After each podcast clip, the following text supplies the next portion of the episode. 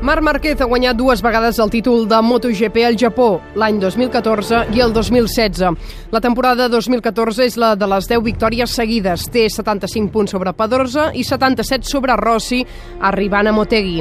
La missió de Márquez per proclamar-se per segona vegada campió passa per acabar davant d'ells al podi i es proclama campió fent segon darrere Lorenzo.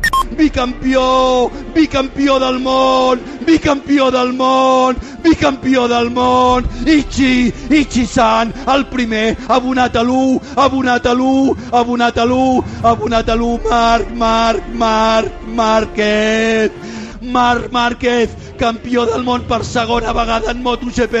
El 2016 ho té ben difícil. La diferència sobre Rossi és de 52 punts i sobre Lorenzo de 66.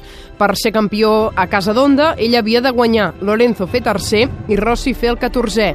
Rossi i Lorenzo cauen anant per darrere de Márquez. Va ser el seu tercer títol de MotoGP. Aixeca-la, Tro! Aixeca-la, Tro, Tro, Tro!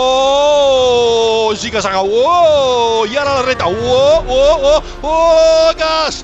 Gas! Gas que guanyes! Gas, gràcies, Tro! Gràcies per fer-ho possible! Guanya Marc Márquez, tricampió de MotoGP!